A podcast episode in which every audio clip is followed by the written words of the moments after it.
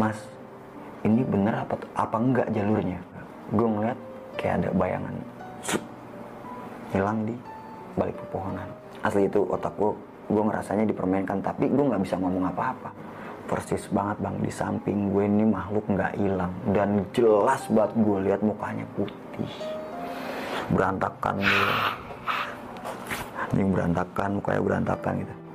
Dia sebutin nama kalau namanya Mirna dia meninggal bunuh diri gara-gara dipasung sama orang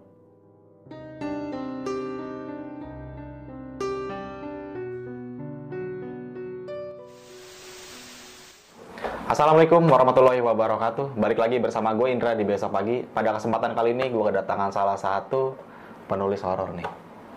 Mungkin udah nggak asing juga bagi kalian. Narasumber gue kali ini pernah menceritakan di beberapa channel horor, khususnya cerita di pendakian gunung ya bang ya. iya benar Nah pada kesempatan kali ini bang Lukas ingin menceritakan pengalaman pendakian gunungnya saat di gunung mana nih bang? di Gunung Gelis Sumedang Gunung Geli Sumedang, gunung tercantik ya bang ya? gunung cantik Ter- apa kayak namanya bang Kayak namanya lah ya. kayak namanya Nah nih bang, uh, kalau gue boleh tahu saat di Gunung Gelis lo mengalami kejadian apa aja nih bang? Singkatnya aja. Eh, gue kayak ngerasain gue masuk ke dimensi lain bang dan gue juga tersesat Oke. Iya. Gila nanti untuk lebih jelasnya lu simak terus ceritanya sampai habis.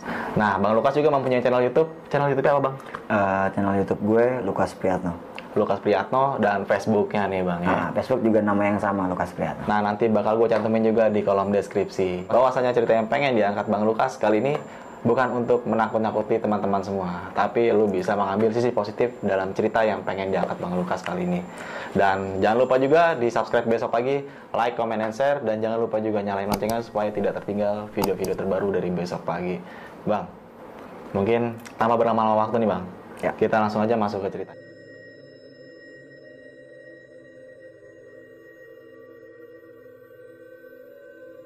pendakian gue kali ini di gue lakuin di 2020 kemarin. Kemarin eh, bulan Juli tanggal 25 26 26 26 tuh. Eh, waktu itu masih kencang-kencangnya covid nih bang. Hmm. kencang-kencangnya covid tapi gue coba buka open trip ceritanya ceritanya tuh buka open trip. Eh, nge-share ke sana sini ke sana sini tiba-tiba eh, target gue nggak sesuai nih dengan dengan apa yang gue inginkan Eh, ternyata cuman dapet kuota gue enam orang doang.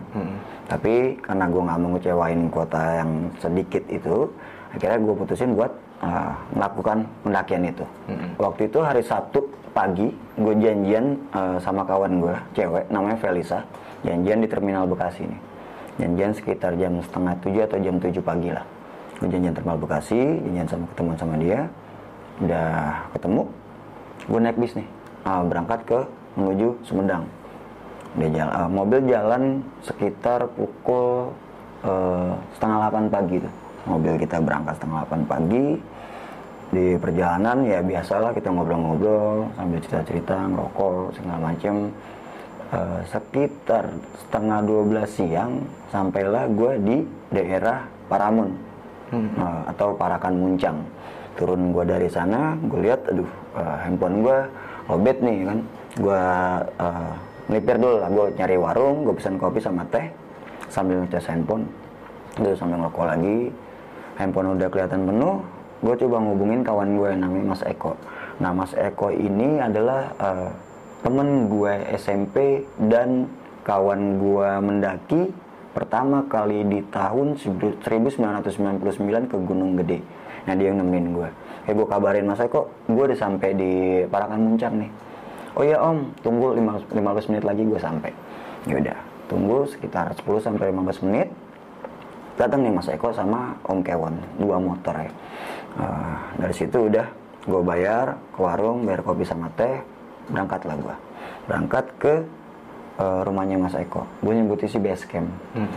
Nah, jalan ke sana ke daerah perumahan Arthur kalau nggak salah perumahan Arthur nah dan lagi ini gue bukan make jalur Jatiroke. Kalau di Gunung Gelis itu eh, terkenalnya jalurnya jalur Jatiroke. Tapi ini gue pakai jalur-jalur mereka. Nah, jalur penduduk lah kasarannya. Namanya jalur Bukit Jarian. Yaudah tuh, udah eh, singkat cerita sampai lah gue di tempatnya Mas Eko, rumahnya Mas Eko tuh. Ya ramah tamah, s- apa ketemu sama keluarganya, disediain makanan, gue makan dulu. Eh, dan kita rencana muncak itu eh, abis asar bang. Dan ada lagi nih, ada ada kendalanya. eh, kawan gue yang dari Bandung dua orang ini eh, ternyata dia balik kerja jam 5 sore. Jadi eh, gue koleng-kolengan nih sama namanya Mas Dian. Eh namanya Kang Dian. Kang, eh, gimana kalau kita belah aja jadi dua kloter? Belah aja jadi kloter. Kenapa gue bilang gue pengen duluan sampai di puncak gelis? Karena posisinya waktu itu MT Gelis itu lagi ngadain acara bersih-bersih gunung. Jadi kan pikir gue, oh pasti banyak banget. Nanti gue takutnya nggak kebagian tempat ngecamp gitu kan. Oh ya udah, Bang Lukas, kalau mau duluan duluan aja, nanti kita ketemu di atas. Ya udah, dari situ udah sepakat kita belah nih jadi jadi dua kloter. Kloter pertama gue, Felisa sama Mas Eko. Nah, kloter kedua eh, Teh Krisna, Kang Dian sama Om Kewan. Nah, Om Kewan yang jemput gue tadi itu ya kan. Dan dia orang situ juga. Asar nih, ajan. Packing lah kita. Siapin, siapin barang-barang barang-barang semua.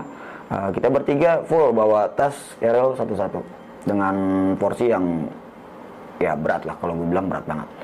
Dan catatan lagi di Gunung Gelis ini nggak ada air bang, nggak ada air. Jadi kita harus bawa air dari bawah.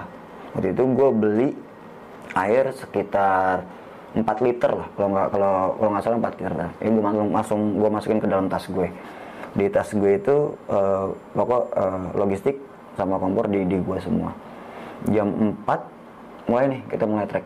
Jam 4 mulai trek. Nah Gunung Gelis nih gue bilang eh, kecil-kecil cabai rawit nih bang. Jalurnya dari mulai dari eh, penduduk udah udah nanjak, udah nanjak, udah nanjak. Udah tuh kita start jam 4 jalan, jalan jalan, jalan sampai gue eh, nemuin ladang-ladang penduduk nih, ladang penduduk. Si Eko teriak nih sama gue nih, Om istirahat dulu, gue capek. Oh ya udah. Nah Felisa posisi ada di depan gue nih, ada di depan gue. Fel, lo eh, jalan aja nggak apa-apa pelan-pelan. Yang penting gue masih ngeliat lo aman.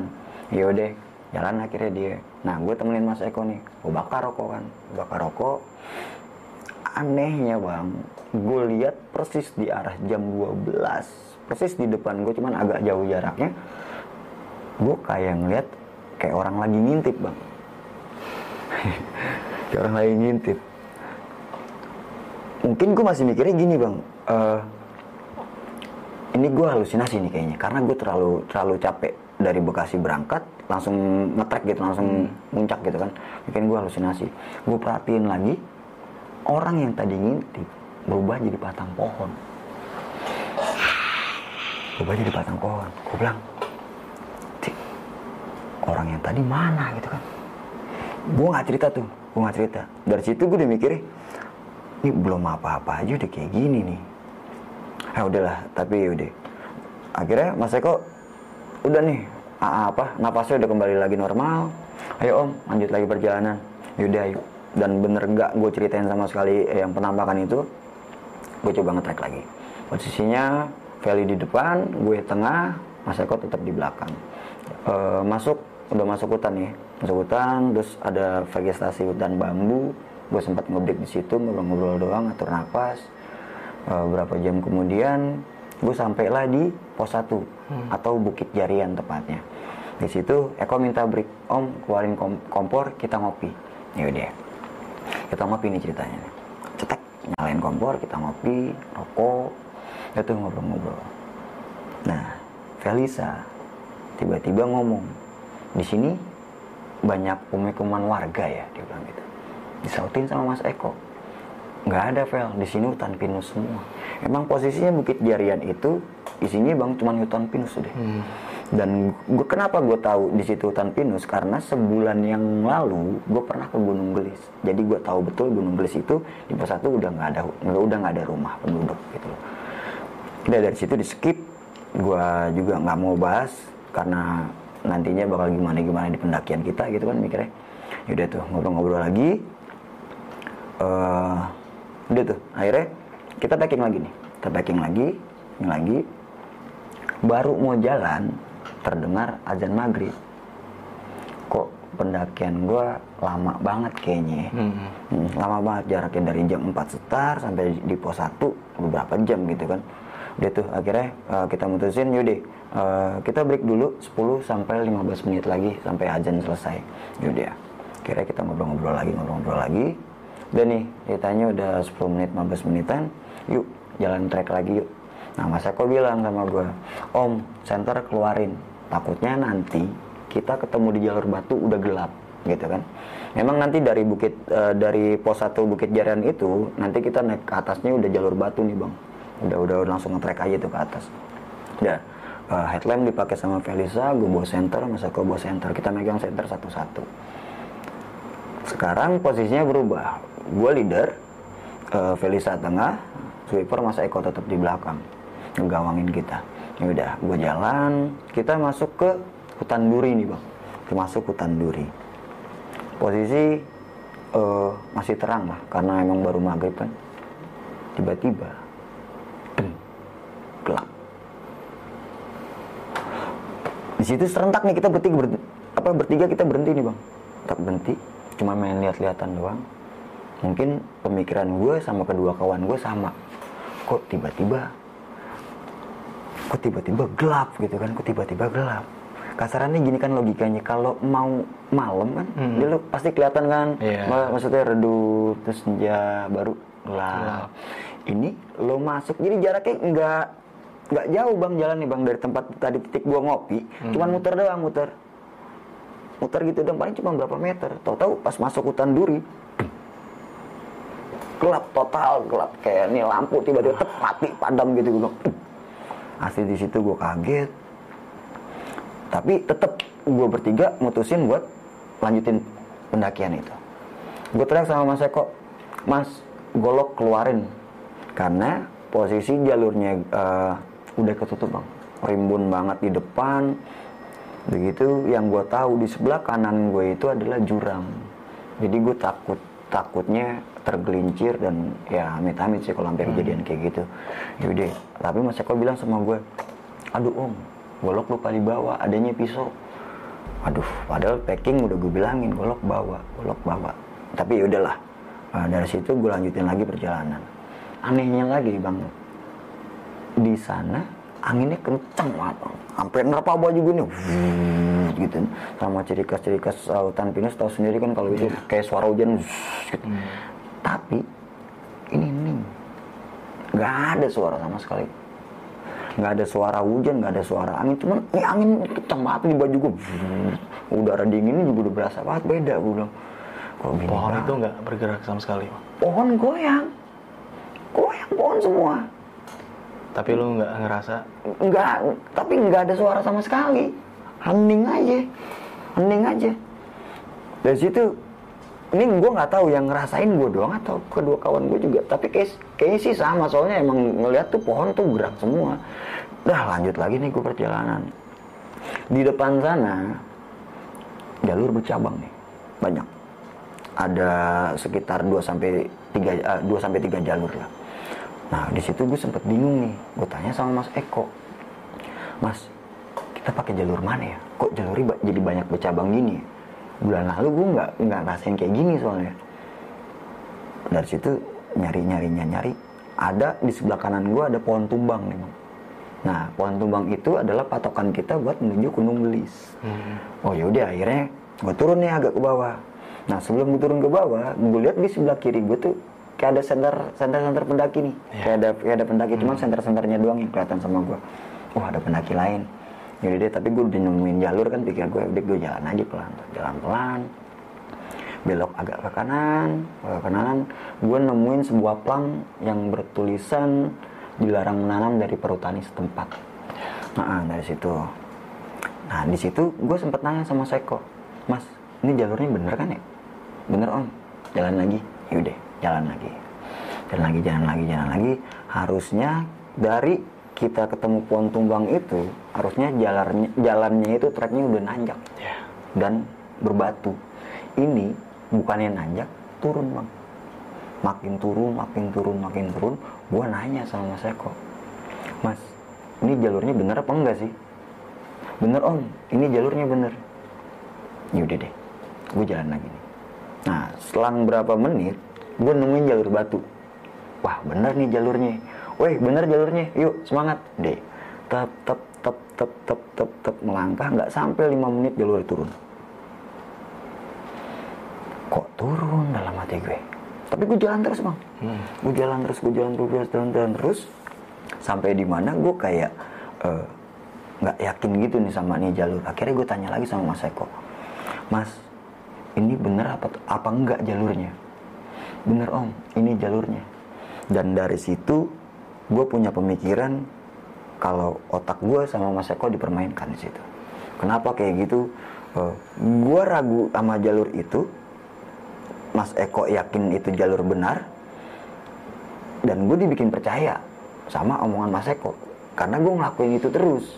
Gue tanya gue nggak yakin tapi di, eh, Mas Eko bilang ini jalurnya gue ngelakuin terus. Udahlah dari situ gue jalan lagi. Asli itu otak gue gue ngerasanya dipermainkan tapi gue nggak bisa ngomong apa-apa. Posisinya sekarang kayak gini. Eh, di sebelah kiri gue kayak hutan-hutan gitu kan pohon-pohon Iya. gitu. Nah di sebelah kanan gue tuh jurang bang. Jurang ada bekas pohon tebang-tebangan pohon gitu. Gue liatin kayak gitu kan gelap kan. Di sebelah kiri gue gue ngeliat kayak ada bayangan. Hilang di balik pepohonan sekali apaan tuh kan? Gue pikir ah mungkin halu gue aja lagi. Gue lanjutin lagi perjalanan. Di sebelah kiri lagi gue lihat bayangan itu lagi. Cuman kalau tadi kan lewat set terus hilang di balik pohon. Ini dia jalan set. Nabrak gue bang. Set dan nabrak gue tapi hilang mau nabrak tapi ngilang. Uh, asli bang di situ gue kaget di situ gue kaget banget gue bilang ya Allah itu apaan itu apaan itu apaan? Gue bilang udang kul gue udah ter- udang kul gue udah gemeteran gitu kan. Kalau itu apaan? Tapi gue lagi-lagi gue nggak ngomong sama dua kawan gue ini.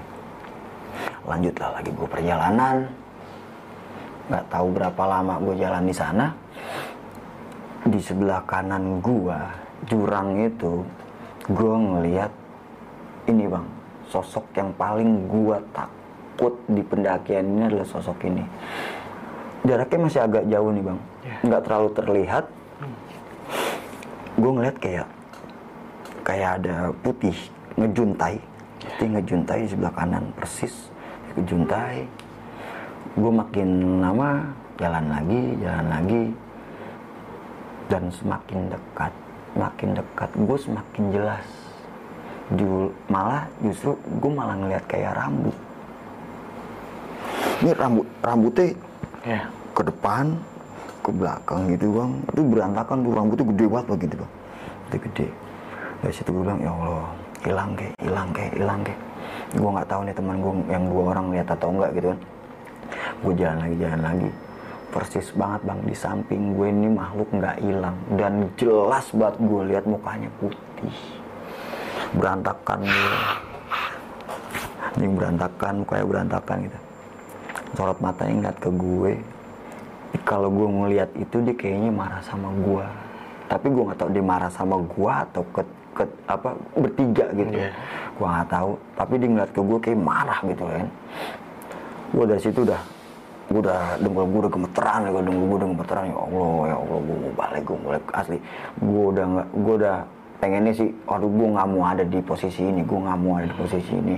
Gue di depan lagi posisinya ya kan dari situ udah nih ini makhluk gue lalui nih bang makhluk gue lalui gue jalan lagi udah yang dengan gemeteran gitu kan. Dan lagi di depan gue jalur gue keputus. Terpotong. Gue angkat tangan nih. Stop. Jalur kita keputus. Jadi dari sebelah kiri jalan nih kayak ada aliran air yang nyapu jalan gitu bang. Jadi treknya keputus gitu kan. Kita break nih akhirnya bertiga kita break om gimana jalurnya kepotong nih? Emang di depan nggak ada lagi? Om kata mas Eko gitu kan. Yaudah deh lu berdua tunggu sini gue coba cek ke depan. Gue bilang gitu. Yaudah si Feli sama mas Eko nunggu di situ kan. Gue masih bawa tas keril gue lompatin itu jalur kepotong sekitar ada 2 sampai dua setengah meter lebarnya. Gue lompatin gue jalan tuh ke depan. Eh, sekitar 3 sampai 4 meter ke depan jalurnya makin rimbun bang makin rimbun makin kecil jurangnya makin terlihat jelas. Dari situ udah tuh gue balik ke gue balik lagi nih. Gue balik lagi ke tempat titik semula kan. Gue ceritain sama mas Eko di depan jalurnya makin parah gue bilang mas gimana? Gue bilang itu Jadi gini deh gue gue nanya sama mas Eko estimasi dari pohon tumbang ke eh, titik ini kira-kira berapa lama? Dia bilang gitu gue bilang gitu kan. Adalah sekitar satu jam om dia bilang gitu. Sekitar satu jam. Yaudah gini aja. Eh, gimana kalau kita balik ke ke pohon tumbang itu? Soalnya gini ini udah bukan jalur kita nih. Ini bukan jalur pendakian gue bilang. Eh, ya buat lagi sekali lagi yang buat kawan-kawan kalau memang ini bukan jalur kita jangan coba-coba untuk nerabas atau kayak gimana gitu ya bang nanti eh, apa Beresiko ya, beresiko kita sama, sama kita sendiri. Gitu ya. Eh, kita nggak banyak debat di sana. Akhirnya kita mutusin buat balik ke pohon tumbang itu. Yaudah. Akhirnya posisi tetap masih sama kayak kayak tadi. Gue depan Felisa tengah Mas Eko ada di posisi belakang. Baru jalan baru jalan beberapa beberapa meter Felisa teriak sama gue As tali sepatu gue apa lepas gitu kan? Yaudah, gue balik badan, gue iketin tali sepatunya. Eh, sebenarnya bukan mau manjain kawan gue sih. Gue mikirnya gini, tas keril yang dibawa sama Felicia itu berat. Jadi gue nggak mau ngebebanin dia juga gara-gara peristiwa kayak gitu ya kan. Yaudah, akhirnya gue balik, gue iketin sepatunya, udah selesai. Dah, yuk berangkat lagi. Udah, akhirnya gue jalan lagi depan, Felicia tengah, masa gue tetap belakang. Eh, nggak tahu gue, gue agak lupa nih bang berapa berapa lamanya tuh jalan. Di depan gue lihat kayak kayak di bayangan babi bang persis di depan gue bayangan babi gue sempat berhenti Iya. apaan tuh gue. Tapi kayak terus berubah kayak jadi kayak pohon-pohon kecil di bawah gitu. Wah, mungkin memang halusinasi gue lagi. Gue selalu berpikir positif kayak gitu terus. Dan makhluk yang tadi gue lihat yang di jurang gitu dia nggak ada. Udah nggak ada. Makhluk yang di jurang udah nggak ada sama yang di pohon-pohon itu udah nggak ada. Ah, gue gue lanjutin lagi perjalanan. Dan satu lagi nih yang aneh pikir gue eh, gue nabrak sarang laba-laba logika ya. Logikanya gini bang. Tadi kita lewat jalur situ gue nggak nabrak apa-apa. Tapi setelah balik gue nab gue nabrak sarang laba-laba. Ya tadi gue lewat mana gitu kan pikir gue tadi gue lewat mana? Itu dari pas gue temuin si apa eh, si bayangan babi itu sampai di trek gue jalan ke depan gue nabrak sarang laba-laba. Logika kan secepat cepat apa gitu kan. Eh, apa Bentuk sarangnya itu Oh, ya. sarang gitu tuh, tuh bener gue nabrak brak, brak, brak, sampai gue gini-giniin bang. Dan dan lagi-lagi gue nggak tahu nih, ini yang yang ngerasain gue doang atau dua kawan gue ngerasain juga. Kalau mungkin kalau mereka ngerasain mungkin pas, pasti ada ada bahasa lah. "Ih, Banyak, banyak banget laba-laba ini banyak banget kayak gitu. Nah dari situ udah gue nggak ambil pusing gue sambil gini-gini ya kan karena emang banyak sarang laba-laba. Tiba-tiba Mas Eko nunjuk, Om, pohon tumbang, pohon tumbang, pohon tumbang. Duh, tahu-tahu gue udah nyampe aja bang. Tadi posisinya gue jalan itu gue lama banget. Ini pas eh, setelah balik, itu gue udah nyampe. Pohon tumbang tahu nyampe, nggak ada setengah jam gue nyampe di pohon tumbang itu lagi. Gue "Nah, dari situ gue minta break, deh break dulu. Gue coba berpikir di situ. eh, akhirnya gue ngeliat ada kayak jalan di sebelah kanan gue. Gue liatin jalan itu. Lo tunggu sini berdua, gue coba lihat ke sini. Deh, gue jalan, gue jalan, gue jalan, jalan ke depan. Dan ternyata gue nemuin jalur trek batu ke atas. Gue bilang, wah ketemu juga nih jalur tadi ke mana? Gue bilang tadi, tadi bener-bener gue nggak lihat sama sekali jalur itu ada. Nggak lihat sama sekali gue. Dari situ deh, gue teriak, Vel, Mas, naik, jalurnya ketemu, gue bilang gitu. Ya, dari situ mereka naik nih berdua nih. Kan naik berdua, udah tetap gue naik paling depan, gue jalan paling depan. Udah tuh, udah ngeliatin jalur batu, jalur batu, udah pertengahan. Felisa teriak sama gue, kayak eh, udah mau capai puncak ya. Kok gue denger suara suara orang banyak banget dia bilang gitu kan. Akhirnya gue bohongin nih. Iya Vel, bentar lagi sampai puncak. makanya lo denger banyak orang bang apa makanya lo denger suara banyak orang kan gue bilang gitu padahal jalur dari trek batu sampai puncak itu masih satu jam setengah lagi bang. Jadi nggak mungkin banget ngedenger suara orang di situ apalagi banyak. Dan gue pun gue nggak denger apa-apa posisinya. Yaudah deh. Dari situ gue jalan lagi jalan lagi jalan lagi. Sampailah di eh, trek akar. Udah berubah lagi jadi trek akar udah mulai manjat manjat manjat manjat. Eh si Mas Eko minta break nih. Om break dulu. Gue capek. Yaudah deh bongkar air minum gue bakar rokok. Bakar rokok. Nah Felisa posisinya eh, pengen jalan duluan nih. Ini ngomong sama gue kayak lu masih punya utang ya sama gue utang? Utang apaan Fel? Gue bilang gitu kan. Kan lo tadi mau apa kan lo tadi udah bikin gue nyasar. Gue mau nampol lo ntar di atas ah dalam hati gue anjir nih orang nih. Gua, tapi kan gue udah baik maksudnya gue udah tanggung jawab ya. Gue udah udah baikin lagi ke jalur yang bener nih gue bilang gitu. Nggak nggak nggak nggak. Pokoknya gue mau nampol lo di atas lo bikin gue nyasar. Serah lo lah pikir gue serah lo lah. Dada gue duduk bang. Tuk minggir lu gue jalan depanan ini bener kan jalurnya? Iya bener. Dulu jalan di depan deh. Udah. Mas Eko ketawa nih, wah. Udah yuk, jalan, jalan, jalan, jalan, jalan lagi, pucuk, pucuk, kata Mas Eko gitu. Nah, pucuk, pucuk itu bikin gua sama tim gua semangat lagi nih. Yaudah, akhirnya gua kencengin lagi Ariel, gua berangkat lagi. Posisi gua nandemin Eko nih, karena emang posisinya Eko kayaknya agak kurang sehat nih bang. Gue lihat sih soalnya dia mintanya minta break, mulu minta break terus panjang panjang perjalanan. Yaudah, Felisa sama jarak a- agak berjarak nih agak berjarak sekitar eh, 10 sampai 7 meter gitu lah jaraknya. Gue lihat dia mulai manjat, manjat, manjat, manjat. Gue ketemu punggungan di depan karena gue tahu di depan itu apa ada punggungan. Di gue lihat di depan sana Felisa mematung nih, diem. Begitu teriak nama gue, kakek. Nah di tongkrongan gue dipanggil kakek nih bang. Dengar teriakan dari Felisa, gue nggak ambil pusing lagi, gue nggak mikir apa-apa, gue lari bang, gue panjat itu akar tep tep tep tep tep tep tep tep, tep. gue tangkep tep, lu kenapa? Gue bilang gitu, dinunjuk, itu apaan? Jadi di depan sana Felisa melihat sebuah petilasan atau makam. Gue juga pas nyampe di situ gue agak gue merinding bang, emang tempatnya mungkin sakral banget ya bang ya. Ah, banyak banyak pohon-pohon, di situ ada pohon jati besar satu tinggi di situ. Udah gue bilang nggak apa-apa, bang numpang aja. Bismillah. Udah Bismillahirrahmanirrahim. Assalamualaikum. Gue jalan, gue ganding tangannya, gue jalan. Jalanan, gue lewatin petilasan, gue belok agak ke kiri, melipir, terus sekitar 100 meter berjalan, gue ketemu patok Gunung Gelis. Alhamdulillah gue sampai di sana ya kan gue pikirnya.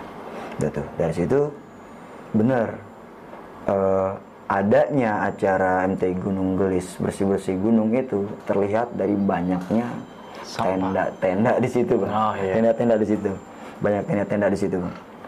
Yaudah akhirnya dari situ gue eh, nyari view nih nyari tempat buat ngecamp karena tempat yang yang di dekat patok itu udah nggak ada tempat lagi yuk kita cari kita cari view yuk dah gue jalan lagi paling depan ke kiri eh, sebulan apa bulan bulan sebelumnya gue pernah ke sana di Gunung Lis ada view yang paling mantap tuh di situ agak gue ke situ di sana udah banyak tenda kalau jajar tuh banyak tenda banyak tenda banyak tenda akhirnya gue putusin buat balik lagi yuk cari lagi Nah, ada tuh ada persimpangan gitu. Ada persimpangan, agak ke kiri turun.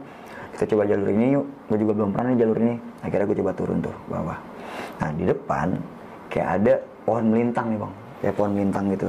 Gue nggak tahu emang itu pohon yang melintang atau memang ditutup sama panitia MT Gelis gitu gue nggak ngerti. Gue tanya sama Eko, "E, Mas, ini jalurnya emang ditutup apa gimana? ya?" Wah, nggak tahu deh, Om. Jadi deh, lagi-lagi mereka gue suruh tunggu.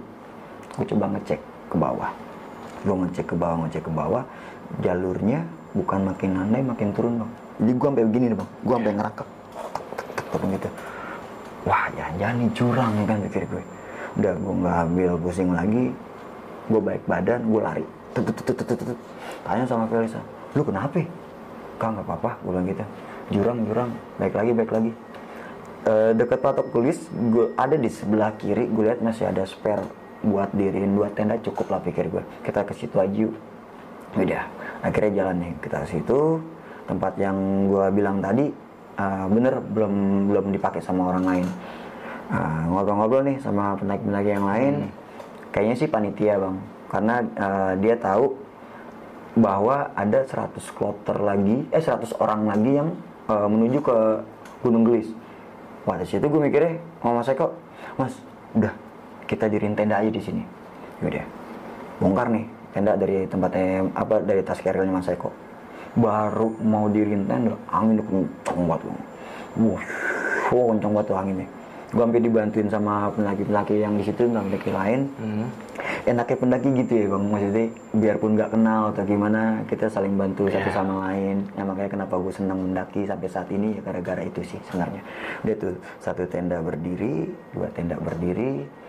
Eh gue uh, gue nggak punya flankset buat nutupin terpahan angin. Tuh punya flankset gimana? Eh, tapi om ada hamuk dia bilang gitu. Yaudah kita pakai hamuk aja buat nutup terpahan angin gitu hamuk gue ikat hamuk gue ikat hamuk gue ikat. Pas aku langsung nyalain kompor yang bikin kopi cetak gitu kan baru gue mau masuk ke tenda flankset yang tadi gue ikat terbang om Boom. gue spontan ngejar. Spontan ngejar gue tangkap step. Di bawah gue teriak mas Eko eh di bawah gue jurang mas Eko teriak om hati-hati bener bang. Itu jurang dikit lagi. Selangkah selangkah lagi. Gue mungkin gue jatuh. Selangkah lagi gue jatuh. Jurangnya udah tegut wah kacau kacau kacau. Eh, sorry sorry em sorry sorry, sorry gue bilang. Dia baik lagi. Gue ikat lagi tuh hamuk. Gue hamuk gue ikat dah. Kopi jadi. Gue ngopi lah. Gue ngerokok. Santai santai dulu. Yaril masukin semua. Udah gue copot sepatu. Itu sampai gue diriin tenda sekitar eh, jam setengah sembilan atau jam sembilan malam. Tuh gue sampai dari start jam 4 sampai jam 9 malam sampai atas. Kalau eh, Gunung Gelis itu kalau normalnya aja 2 sampai 3 jam juga sampai bang sebenarnya bang. Sampai puncak ya bang? sampai puncak ya sebenarnya. Tapi ini ini gue gue kacau banget itu. Gara-gara mungkin gue masuk ke apa yang jalur yang tadi gitu yang tersesat gue jadi agak ngaretnya sepeda jauh banget gitu kan. Dari situ kita ngobrol-ngobrol lagi terus gue tanya sama Mas Eko Mas kloter kedua udah sampai mana? Kan mereka janji jam 5 sore kan. Om baru sampai ini yang ladang penduduk. Oh baru trek? Iya.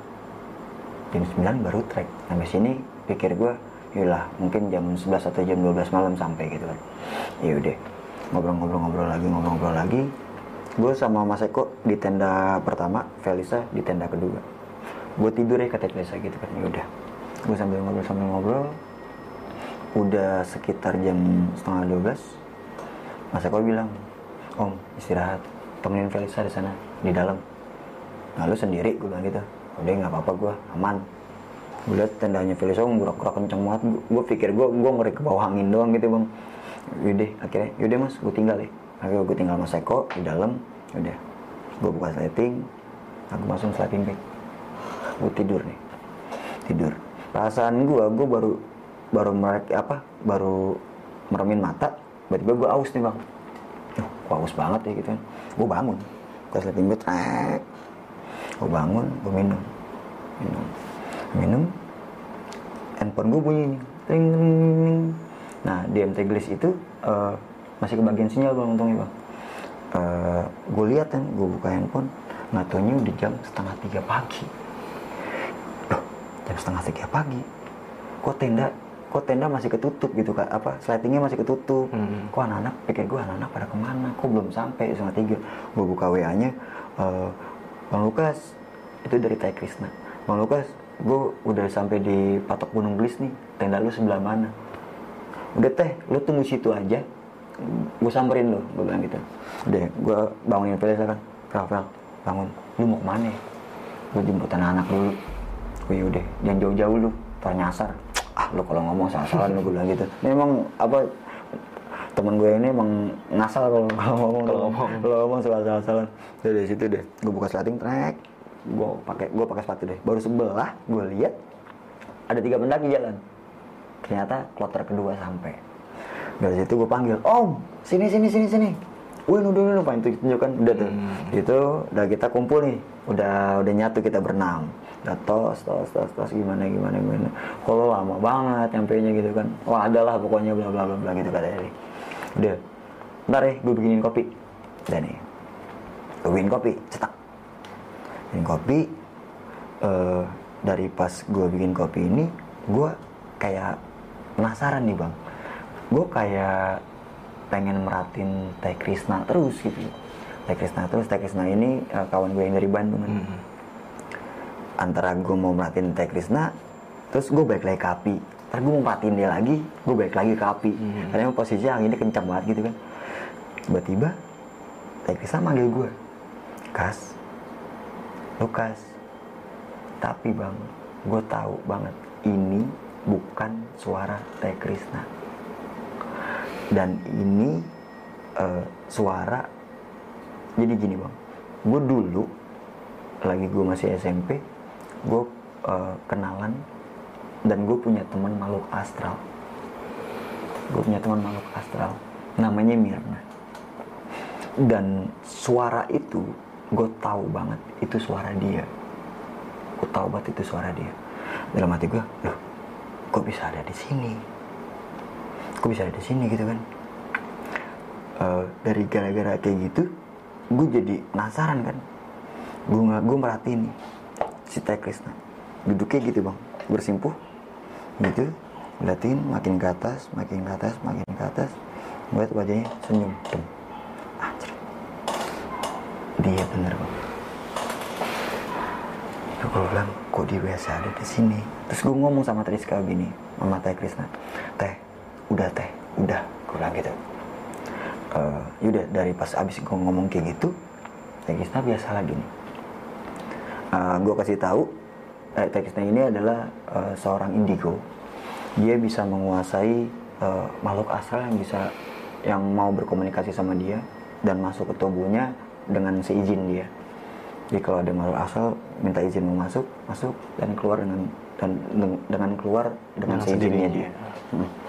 di situ udah eh, udah gue bikin kopi kopi udah selesai tuh minum minum. Gue bilang gitu minum.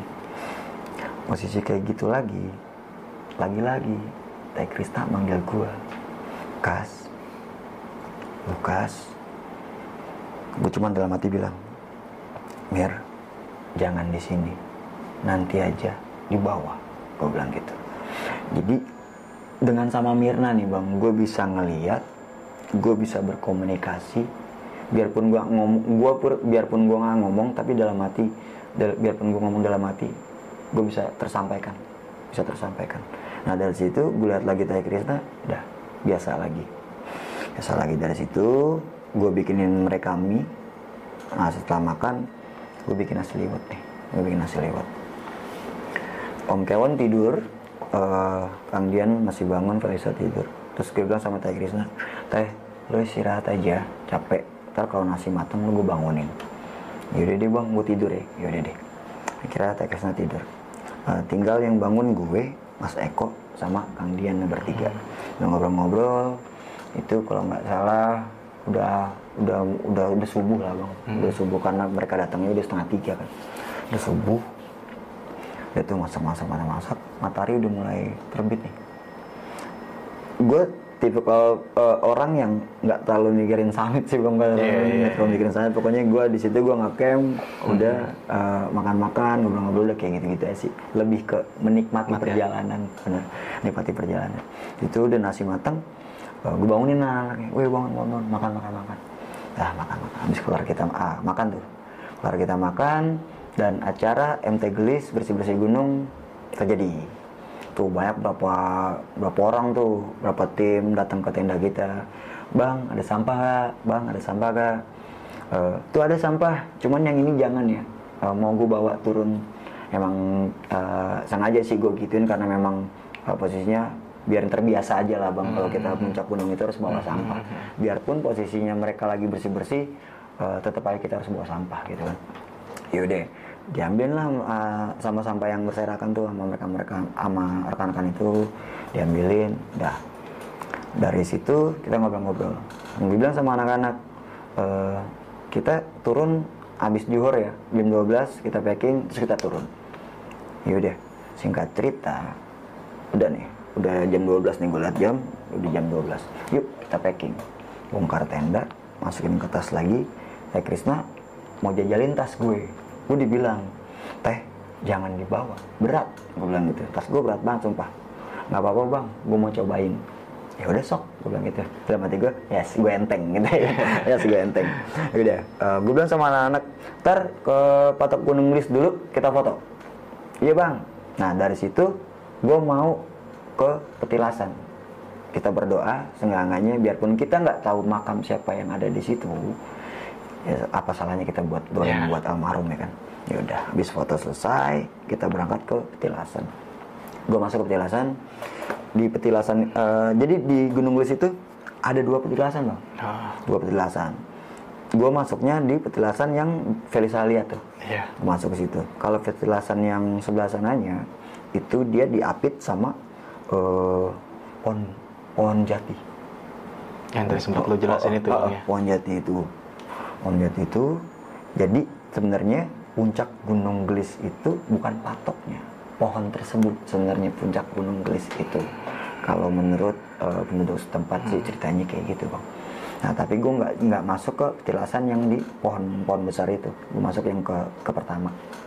Nah di petilasan itu gue lihat kayak ada kotak jaruk besi ditutup kain putih. Nah gue jalan ke sana jalan ke sana. Eh, gue ada celah-celah bang. Ada celah gue lihat eh, dari luar gue lihat di sana kayak ada sebuah patok yang ditutupi kain putih diikat dan banyak kembang-kembang di sana bang. Mungkin eh, banyak pada apa ngaji di situ kayak gimana gitu kali ya bang ya. Gue juga nggak kurang ngerti. Ya di situ gue diri gue bacain al-fatihah buat almarhum. Udah setelah selesai. Nah gue cabut dari petilasan itu. Udah yuk kita trek turun nah kita mulai nih nurunin jalur akar. Baru berapa meter ke bawah eh Teh Krisna nada pusing. Uh pusing banget dia bilang gitu. Gue bilang eh, sama, Teh- Krisna Teh tas gue lepas aja gue bilang gitu. Kan gue dibilang berat. Iya bang iya bang iya bang. Akhirnya di, udah dikasih obat. Eh, dari situ gue pakai lagi nih tas carrier gue pakai nggak lama Felisa kayak obat mah obat mah obat mah dia bilang gitu. Kenapa lu? Perut gue perut gue mual dia bilang gitu. Sakit perut gue sakit. Jadi Felisa tuh emang punya penyakit mah bang. Penyakit mah. Gue bilang kayak gini makanya lu jalan jangan cepet-cepet. Lu kayak gini lu muntah-muntah. Ah bodo amat. Gue kalau belum muntah gue bakal jalan terus dia bilang gitu. Ya. Ini anak batu. Lagi-lagi gue bilang ini anak batu. Udah serapel gue bilang ayo jalan-jalan sampai lu muntah gue bilang gitu kan. Iya ayo. Habis makan habis minum obat tep jalan lagi emang nih orang gancang banget cepat banget jalannya sumpah. Di posisi paling depan nih pas turun. Iya. iya posisi paling depan. Tuh tuh tuh, tuh, tuh, jalan runtuh aja. Dari akar udah kita udah nemuin jalur batu. Nemuin jalur batu. Sampai di jalur batu kita sampai di eh, yang hutan pinus itu bang yang gue Iya. bilang tadi hutan pinus. Dari situ gue bilang eh, anak-anak jalan ke arah kanan aku lurus nah niatnya gue gue bikin suatu tanda di satu pohon eh, gua- eh, buat pendaki yang lain jangan sampai kejadian kayak gue nyasar belok kanan gitu kan Nah, dari situ gue ikat tuh, pa- jadi kayu gue rorot pakai pisau, gue bikin kayak tanda panah, terus gue ikat pakai tali rapi ya. Cek, kelar gue sampai sama Felisa nih. Kayak ayo anak-anak pada jalan, ayo Fel. Udah gue jalan berdua sama Felisa. Nyamperin, dari situ gue lihat eh Teh Krisna lari nih bang, lari ke depan, dan di depan itu gue tahu itu jurang. Gue tepak sih Kang Dian suami ini, Kang, itu lo kejar gue bilang gitu. Terjatuh anak orang. Kejar sama dia tuh. Nah, nggak tahu ditangkap gue sih dari da- jaraknya di jauh banget bang. Maksudnya jaraknya di jauh banget. Nah di eh, mereka berdua di sana. Nah gue duduk nih. Di sana kayak ada eh, batu besar Iya. di tengah. Batu batu batu jadi kayak tempat perjamuan gitu loh bang. Kayak tempat perjamuan tapi batu-batu gitu bentukannya. Kayak meja terus batu-batu gitu. Dari situ mas Eko ngeluarin kompor kita ngopi. Dan nggak taunya batu-batu tersebut adalah eh, silsilah Eh, pada zamannya ya bang ya. Di situ tempat titik berkumpulnya orang-orang eh, penduduk atau penduduk sekitar eh, penyebaran aja apa ajaran agama agama Islam. Nah titik titik temunya di situ di Gunung Gelis itu di batu itu. Itu juga gue uh, menurut menurut setempat setelah gue turun gue tanya-tanya gitu bang. Nah, nanti setelah apa lebih jelasnya nanti lo bisa searching searching aja sih di Iya. Gunung Gelis itu ada apa ada apa aja. Dan dari situ gue uh, Felisa eh si Felisa si Teh Krisna nyamperin lagi nih sama Kang Dian. Kemudian udah gue kasih kopi, udah. Dari situ kita ngobrol-ngobrol lagi. Nah dari situ udah kita kita kelamaan tuh ngebreak di situ, kita kelamaan ngebreak di situ. Yuk jalan lagi, yuk jalan lagi. Nah kita udah melewatin pos 1 Gue bilang mau ngebreak lagi nggak? Jangan bang, jalan aja terus. Ya akhirnya ikutin lah kita jalan. Posisinya gue ada di belakang nih sama Mas Eko nih. Eh, Anak-anak udah jauh banget di, di, di depan tuh, udah jauh banget lagi anak-anak ngobrol gue lihat di bawah Teh Krisna nungguin gue tapi lagi-lagi bang ini bukan dia. Ini sosok kawan makhluk astral gue lagi yang nungguin gue di bawah. Gue bilang duh dia lagi aja pikir gue kan? Jatuh gue jalan. Ben, tapi iya gue gue kayak dipaksa buat ng- suruh ngeliatin dia terus gitu. Hmm. gue liatin dari bawah terus ke atas abis tatapan mata sama gue senyum terus ngibasin rambut jalan. Dalam hati gue ngomong ya Allah Mir dari dulu gak pernah berubah gue bilang gitu kan. Dan dari situ gue nggak cerita sama Mas Eko udah gue jalan. Jalan jalan jalan jalan jalan sampai di tempat yang yang gue lihat orang jadi batang kayu itu terus lewatin rumah oh, udah lewat situ udah lewatin rumah penduduk sampailah gue di rumah Om Kewon. Nah di rumah Om Kewon gue disediain air es nih. Ya. es jeruk gue minum dari sana nyolek gue kayak tidur istirahat di base camp bilang gitu. Ya udah akhirnya gue bilang sama Mas Eko "Eh, Mas rumah yuk Felisa ngantuk. Ayo om berangkat. Deh pakai tas sekali lagi gue jalan lagi. Jalan sampailah di rumahnya Mas Eko. Udah tuh kita ngobrol apa kita ngobrol-ngobrol di situ dan di sanalah kita bahas apa yang terjadi sama kloter pertama dan terjadi sama kloter kedua.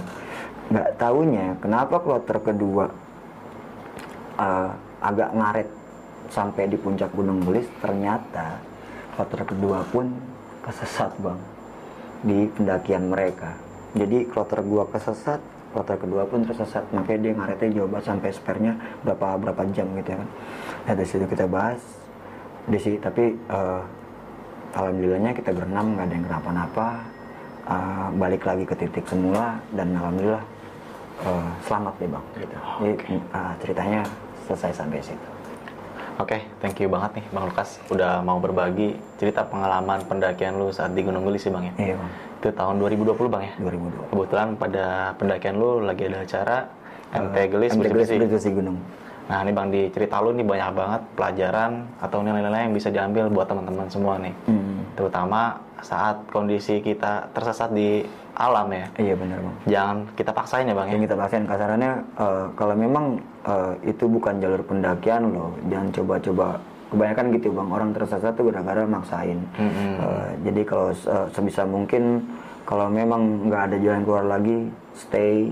Kalau nggak ya berpikir lebih jernih lagi, baliklah ke titik semula. Menurut gue sih kayak gitu aja. Iya lah. Jangan kalau dipaksakan nanti kita nggak tahu. Kita maksudnya nggak tahu ke depannya kita bakal bakal kayak gimana juga gitu loh bang. Apalagi dengan ilmu yang minim Bang yang lebih Iya, bahaya lagi ya. Benar, benar, benar. Nah, tanya-tanya survival atau apa pelajaran yang buat tentang alam kita mesti pelajarin juga. Penting banget itu ya, Oh, Bang, ya. Penting banget fisik juga. Kayak gitu-gitu sih sebenarnya. Dan Bang. tadi juga lo sempat menjelaskan uh, pentingnya kita membawa sampah kita pribadi bang ya. Oh iya bang, gua gini bang. Jadi eh, MT Gelis ngadain bersih-bersih gunung di Nah, atas. ah, ah, tapi pas gua trek turun ke bawah itu di jalur akar dan batu, gue nemuin banyak sampah. Di base camp gue sempat Yeah. di base camp gue sempat ngomong sih sama jadi di di lingkungan situ ada ada ada ada pendaki ada pendaki eh, kelompok pendaki tepatnya eh, kelompok pendaki gue bilang sama sama ketuanya bilangin tolong sama MT eh, yang ini panitia MT Gelis di atas gunung bersih di jalur banyak sampah tadiannya sampah yang gue bawa cuman pla- apa eh, kantong plastik kecil ini gue bawa sampai satu polybag besar. Jadi sepanjang jalan tuh sampah semua bang. Gila. gue bilang nih kacau banget gue nih. Di atas bersih banget sumpah bersih banget gue sepanjang jalan itu bersih banget di atas sumpah. Wah kinclong lah kasarannya kalau Ubin mah diptel itu. Tapi di treknya parah bang. Itu sampah dari mana aja itu gue mungutin gue mungutin Iya. sampai penuh gitu. Sampai penuh gue tapi eh gue sampein sama ketua yang kelompok pendakian itu insya Allah sih disampaikan sih sama MT Gelis sih Gitu. Nah di sini kan lo kita mengambil pelajarannya kalau kita naik gunung tuh jangan sampai sama sekali sampah kita tinggalin gitu aja bang ya. Iya benar, biarpun tadi yang gue bilang, biarpun di situ ada acara bersih-bersih sampah, sebisa mungkin lo harus bawa sampah lo sendiri. Ah, harus penting ter- banget. ah, ah, harus dibiasakan, harus Nah, dibiasakan. di cerita lu kan ini lu sempat mengalami tersesat nih bang ya. Mm-mm. Sampai pada daerah, nih kita ulas saat lu uh, balik ke jalur yang lu tersesat, lu buat tanda nih penting banget nih bang. Nih lu mungkin berjasa banget buat teman-teman. Ya karena gue pikirnya gini loh, apa? eh, ya jangan sampai ada kejadian kayak gue lah nyasar-nyasar kayak gitu lah pikir gue gitu. Jadi kenapa gue bikin patok kayak gitu sih? Lebih ke situ aja sih gue mikir ya bang. Ah, Hmm, simple. Nah, kita ulas mistisnya nih bang. Siap. Nah, di pendakian Gunung Gelis ini lo mengalami kejadian yang mungkin dari awalnya udah aneh bang ya. Iya. Yang pertama kali pendakian lo melihat sosok yang menyerupai batang kayu nih. Ya. Itu batang kayunya gede apa gimana bang? ukurannya sih eh kayak kayak badan bang paling se- seginian lah kalau diukur gitu kan paling paling segini jadi gini loh eh, pertama gue lihat itu cuman batang kayu doang Ah. cuman gue lihat dari batang kayu itu kayak ada orang ngintip gitu bang gitu tuh Tut. kayak ada orang ngintip siapa ya pikir gue siapa gue bakar rokok gue perhatiin lagi yang tadi ngintip tuh kayak kayak batang kayu gitu bang jadi lurus terus batang kayu belok gitu ah, jadi batang kayu gitu. dari situ tuh gue udah mikir itu apaan sih pikir gue gitu kan Dan yang melihat cuma lo aja bang ya? Ah, ah. dan gue emang nggak nggak nggak nggak cerita sama mas Kawan lo itu? Lisa iya Sampai turun ke bawah nggak cerita? Di base campnya baru Baru cerita Ah, ya? di base campnya gue baru cerita Nah, Baru nanti nih, eh, lo abis itu melanjutkan perjalanan kembali. Di sini lo mengalami tersesat nih, Bang. Mm-mm. disorientasi jalur bang ya. Iya benar. Ah, jadi, apa ya kayak yang ngerasanya nih gue kayak masuk ke dimensi lain tuh yang pas tadinya terang Tiba-tiba berubah menjadi gelap. gelap. Ini beneran dari terang terus gelap bang, gelap banget. Gelap gulita gitu. Gelap kulit ya, udah kayak namanya hutan gitu kan, Iya. hutan pinus, udah ket- nggak ketutup sama apa ketutup ketutup semua kan, udah cuman ngandelin cahaya senter aja. Untung senter Mas Eko ingetin sebelumnya, sampai Ah. keluarin. Nah, di sini lo cepat mengira kalau otak lo dipermainin nih bang. Mm-mm. Sama Mas Eko ini. sama Mas Eko. Mas Eko mau memastikan kalau ini jalur benar. Ah, Tapi gua ngerasain ini bukan jalur, tapi gua ngikutin ngomongan Mas Eko Hmm. terus kalau itu emang jalur benar gitu. Di situ gue mikirnya, ini otak gua dipermainkan. sampai akhirnya lo sadar nih bang ya, lo Ah. memutuskan untuk balik ya. Iya, gua ketemu jalur eh, terpotong di situ. Gua baru mikir kita harus balik. Ini bukan jalur pendaki. Nah, saat lo tersesat nih bang, lo melihat salah satu sosok yang nggak mau sama sekali lo lihat dalam hidup lo nih bang ya. Oh iya iya, wah gila itu sih. Nah, sosoknya itu tadi lo sempat jelaskan kalau rambutnya itu Jadi gue jabarin lagi, gue gua gua gua perjelas. Mukanya putih nih bang, kayak putih berantakan. Rambutnya rambutnya acak-acakan. Bang. ya Rambutnya acak-acakan, hampir eh, separuh nutupin muka gitu, ngejuntai ke bawah, belakang. Jadi eh lu gue ngeliat jelas. Cuman kayak bubayang gitu bang, gue bisa lihat yang ada di belakangnya itu gelap gitu, gue bisa ngeliat. Cuman gue jelas banget rambutnya sini, belakangnya kelihatan gitu. Dari gitu, gue penasaran. Center gue arahin ke bawah. Gue mau tahu nih bang, ini kakinya, ini nge- apa ngambang atau gimana? Center gue bawa ke kanan, gue serenterin pakaiannya terus terus terus terus terus dan hilang di kegelapan jadi bisa bisa lo bayangin setinggi apa itu makhluk soalnya bawah jurang bang berarti gede banget ya bang ya. gede bang kalau normalnya kalau mungkin disebutnya kuntilanak Hmm. itu ya paling seukurannya kayak kita ini gede banget bang Dan yang ngeliat cuma lo doang bang. Pada saat itu. setelah kumpul di base camp ternyata gua doang Dua teman lu nggak ada yang ngeliat sama sekali. nggak ada Dan Jadi lu setelah memberanikan diri juga bang pada saat itu ya. sebenarnya sih gue mau pulang bang asli gue makhluk itu bikin gue wah takut banget sih asli Tapi lu mencoba untuk memberanikan diri Hmm. karena makhluk itu nggak hilang-hilang nih bang ya. nggak hilang Itu berapa menit bang? Selang waktunya ya itu. pokoknya ya pas jalan aja jalan jalan jalan sampai gue lewatin dia dan gue udah nggak mau nengok lagi bang karena gue takut asli gue takut gue bilang gue sampai bilang ya Allah hilang kayak hilang kayak hilang kayak sebelum gue samperin dia dia hilang kayak gue pengennya sih gitu. Ini enggak gue sampai ngelewatin dia. Oh, jaraknya dekat banget bang. Gila. posisinya nih nih track nih dia di sini. Hmm. ini gue di sini nih ini dia di sini. Diri, Sampingan banget ya bang ya. diri aja nggak ngapa-ngapain. Diri aja. Sambil melototin gitu. Dan sampai pada akhirnya lu ketemu jalur yang sebenarnya bang. Walaupun lu sempet kayak jalur yang sebelum lu ketemu jalur sebenarnya lu kayak bertemu sarang laba-laba nih. Sarang laba-laba, dibebas iya. gini. logikanya gitu aja kita lewat jalur situ nggak nabrak apa-apa setelah balik Pulang. baru lu nab nah apa nabrak sarang laba-laba sepanjang trek panjang trek bang Mm-mm. nggak satu dua ini sepanjang trek gue nabrak sarang laba-laba dan yang ngerasain lagi-lagi gue doang Gila sih bang. lagi-lagi gue doang Ketemu lah jalur dan teman lu Melisa ini sempat kecewa sama lu nih bang karena dia agak kesel kalau dia sempat tersesat dibawa sama lu nih dia mengira Iya. nih. Heeh. Nah yang gue pengen tanya nih bang, kan dia sempat tadi membuka pertanyaan kalau nanti gue bakal tampol lu kas di puncak, lu ditampol nggak bang di puncak? enggak sampai atas dia sampai atas dia tidur bang untungnya tapi apa kan ya cerita ini pernah gue tulis di di, di Ah, Facebook ya ah. Tuh banyak yang komen tampol kak tampol kak gue suruh ditampol. Sampai bilang live live live. Wah kacau sih gue bilang. Sampai sekarang berarti belum ditampol bang? ya? belum belum. Tapi jangan yang gitu deh nanti dia nyamperin gue pasti nampol gue takutnya gitu bang. Aduh kacau banget. Oke, sampailah lu di patok puncak Gunung Gelis ya. Gunung Gelis.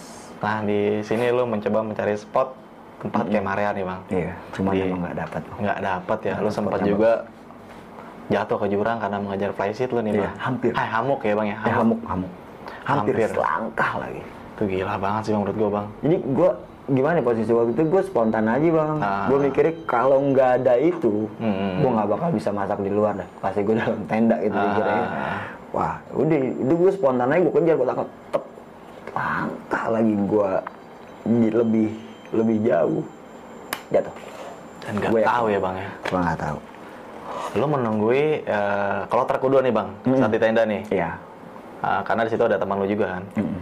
Nah, lu tungguin ini sampai lu tertidur bang ya? Iya. Bangun setengah tiga ya? Mm. Karena handphone lu berdering. Iya, enggak, gue aus. Oh, aus. gue aus. Ah. Tapi gue posisinya gini bang, gue kayak baru merem terus gue aus.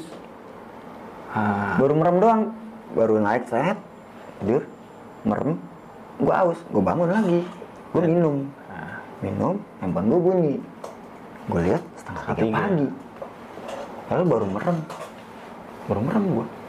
Dan di sini akhirnya rombongan teman lu nih kalau terdua datang nih bang? Nah, baru dulu nyampe jam setengah tiga pagi. Setengah tiga pagi. Nah, di sini gue agak tertarik bang sama cerita teman makhluk astral lu si Mirna ini. Oh ya, Nah, lu sempat menyangkakan kalau si Teh Krisna. Krisna ini uh, dirasuki sama salah satu temen astral waktu kecil lu bang si Mirna ini ya. Iya. Bisa dijelasin nggak sih bang si Mirna itu?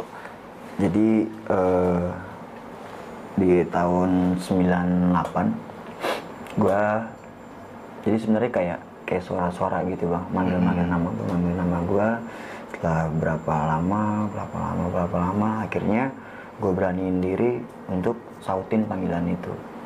Dan posisinya di rumah gue di kamar gue sih lebih tepatnya eh, dia sebutin nama kalau namanya Mirna dan lagi-lagi gue coba beraniin diri buat nanya kenapa? Lu meninggal kenapa?